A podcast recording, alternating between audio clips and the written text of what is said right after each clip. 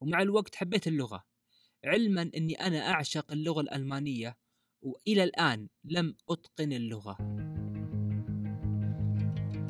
السلام عليكم ورحمة الله وبركاته. يا أهلا وسهلا بكم جميعا. معاكم أخوكم مشعل ونبدأ البودكاست يوميات مع مشعل. تعلم اللغة الإنجليزية تحتاج منك أربع مهارات بحيث أنك تشتغل عليها بشكل متوازي. بمعنى أنك تقسم خطتك على هذه المهارات وتشتغل عليها. والمهارات هذه هي السماع listening والمحادثة speaking والقراءة reading والكتابة writing. وهذه كلنا متفقين عليها ولكن إذا تسمحون لي أضيف حاجة مهمة. هو أصلا أنت لو تسمع راح تتكلم ولو تقرأ راح تكتب. لاحظتم الربط؟ ولكن مو هذا موضوعنا الأساسي. أكيد سمعتم اللي يقول اللغة عبارة عن كلمات. يعني احفظ كلمات وراح تتقن اللغة. نعم الكلام هذا صحيح. إذا ما أهملنا تعلم الأربع مهارات. ولكن خلونا الآن نبعد هذه المهارات الأربعة على جنب.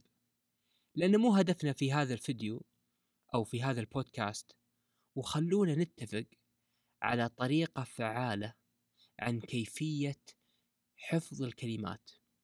وأكيد مرينا في تخبطات في تعلم حفظ الكلمات.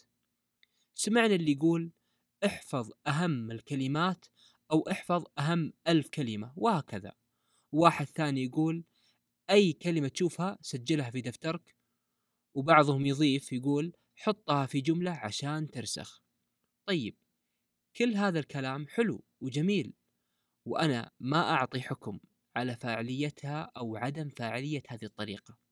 ولكن إذا سمحتم لي وأعطيتوني من وقتكم الثمين بقول لكم طريقة رهيبة جدا وفعالة ونجحت معي أنا شخصيا وإن شاء الله تفيدكم. بس أحتاج منكم التركيز. دائما قراءة القصص فيها متعة وتشد كل تركيزك بحيث تفهم كل موقف ولحظة في القصة. ولو تلاحظون القصة يحبها الصغير والكبير وجميع الأعمار. والميزة الأكبر هي أنك أنت غير مجبر بقراءة أو سماع قصة معينة. بإمكانك تختار الموضوع اللي تحبه مثلا عن الفضاء أو التقنية أو حتى قصة فيها رعب. طيب من ناحية مستوى تعلم اللغة قراءة القصص ينمي عندك كيفية بناء الجملة وتركيبها. بمعنى أنك هنا تعلمت القواعد أو ما يسمى جرامر والأهم من هذا كله هو زيادة مخزون حصيلة الكلمات عندك والميزة بأن هذه الكلمات شبه مستحيل أن تنسى لأنك حفظتها من فهمك لتسلسل القصة ولأن القصة فيها صور ومواقف حلوة قدرت أنك تحفظ الكلمات بكل سهولة حلو الحين حنا اتفقنا مع بعض لكن السؤال مشعل كيف أبدأ؟ أول شيء أختر القصة القصيرة والمواضيع اللي تناسبك. مو شرط تشتريها وتخسر فلوس. مجرد إنك تبحث بجوجل اكتب قصص قصيرة أو short stories وجنبها اكتب PDF وبتحصل قصص كثيرة جدا. حلو أنت الآن اخترت القصة اللي تحبها.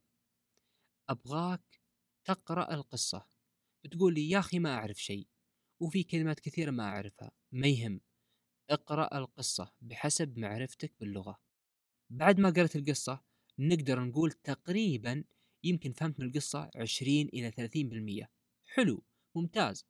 بعد كذا أبيك تروح لآخر الصفحة بتحصل الكلمات المهمة للقصة وهي المفاتيح والأدوات لفهم القصة تسمى قائمة الكلمات glossary. أبيك تلقي نظرة فقط. طبعا المطلوب منك أنك تترجمها بجوجل ترانزليت وممكن أن ما يوضح معك المعنى عادي.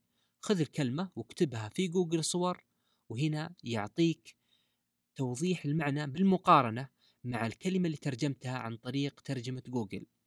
طبعا مو المطلوب منك إنك تحفظها الآن المطلوب إنك تكتبها في دفتر صغير. مرة ثانية ألقي نظرة عليها فقط. بعد كذا حط الدفتر جنبك وأبيك تقرأ القصة مرة ثانية. وبعد الانتهاء من القصة راح يوضح لك أن نسبة الفهم أو ما يسمى الكومبرهنشن راح يقفز من 20 أو 30% إلى نسبة أفضل وهي تقريبا من 70 إلى 80% وهنا في ملاحظة خلال قراءتك بتحصل كلمات ما تعرفها وما هي موجودة في قائمة الكلمات. عادي جدا المطلوب منك تحط خط عليها وترجمها بنفس الطريقة. وأخيرا اقرأ للمرة الأخيرة. وأنا متأكد بهذه الحالة أنك راح تفهم القصة تقريبا مئة بالمئة. أتوقع راح تنصدم. بتقول مشعل أنا الآن تقريبا كتبت بالدفتر من 30 إلى 40 كلمة. كيف أحفظها؟ آه أنا زي ما قلت لك لا تحفظها بس ألقي نظرة فقط. لأن أصلا لو آخذ منك الدفتر في هذه اللحظة وأقرأ لك الكلمات راح يمكن تعرف منها من 60 إلى 70% لأن عقلك بشكل تلقائي يربط تسلسل القصة والمواقف يخليك تستذكرها بسرعة طيب الآن يا مشعل وش أسوي؟ المطلوب منك حاجتين وخلاص ونقفل الموضوع لكن قبل ما أقول هذه الحاجتين في شيء يسمونه spaced repetition التكرار المتباعد وهو بكل اختصار ما نبي نتشعب بالفكرة إنك تراجع المعلومة على فترات متباعدة وهو إنك تراجع الكلمات ثلاث مرات إلى أربع مرات بالأسبوع. وهنا ركز أبيك بشكل سريع يعني ما تاخذ منك خمس دقائق وتقرأ القصة مرتين بالأسبوع بتأني وبقراءة مركزة. هذه الحاجتين المهمة اللي يبغاك تسويها. وهنا بالنسبة لعدد المرات أنت شوف اللي يصلح لك.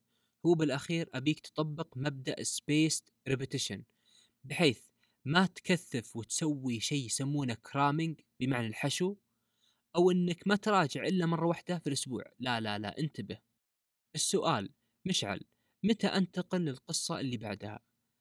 هنا تعتمد على عدد أوراق القصة القصيرة وهي تتراوح من صفحة ونص إلى تقريبا بحد أقصى 15 صفحة. وهنا بعطيكم مثال وهذا رأي شخصي متواضع. إذا صفحة ونص خلها كل أسبوع قصة ولكن إذا كانت القصة 15 صفحة خلها كل شهر مرة. وأخيرا في نقطة أبي أنوه عليها. اللغة الإنجليزية هي مهمة جدا في المسيرة الدراسية أو المسيرة الجامعية. وحتى ما بعد المرحلة الجامعية والأغلب يحتاجها في الوضع الحالي. أنا أتفق مع الأغلب أنك إذا تحب حاجة راح تتعلمها. ومثال على هذا اللغة الإنجليزية. ولكن مو على أي حال. وش رأيك أنه ممكن أنك تتعلم اللغة وأنت كاره لهذه اللغة؟ ومثال على هذا الشيء أنا في بداياتي كنت أكره اللغة الإنجليزية. ولكن تعلمتها غصبا عني. لأن يوم كنت أدرس في الجامعة كان عندنا النظام اللي يخفق في اللغة الإنجليزية يطردونه من الكلية. وهذا السبب اللي خلاني أتعلم اللغة الإنجليزية. ومع الوقت حبيت اللغة. علما أني أنا أعشق اللغة الألمانية وإلى الآن لم أتقن اللغة. اللي أبي أوصل لك دائما الشيء المتعب في التعلم يكون هو المفيد لك. بمعنى يمكن الطريقة اللي قلتها لك تقول يا أخي هذه متعبة ومملة لكن مجربة وصدقني مع الوقت راح تحب هذه الطريقة. وصلنا إلى نهاية البودكاست. وأدعو الله أن يسهل أموركم. نلقاكم على خير. سلام عليكم.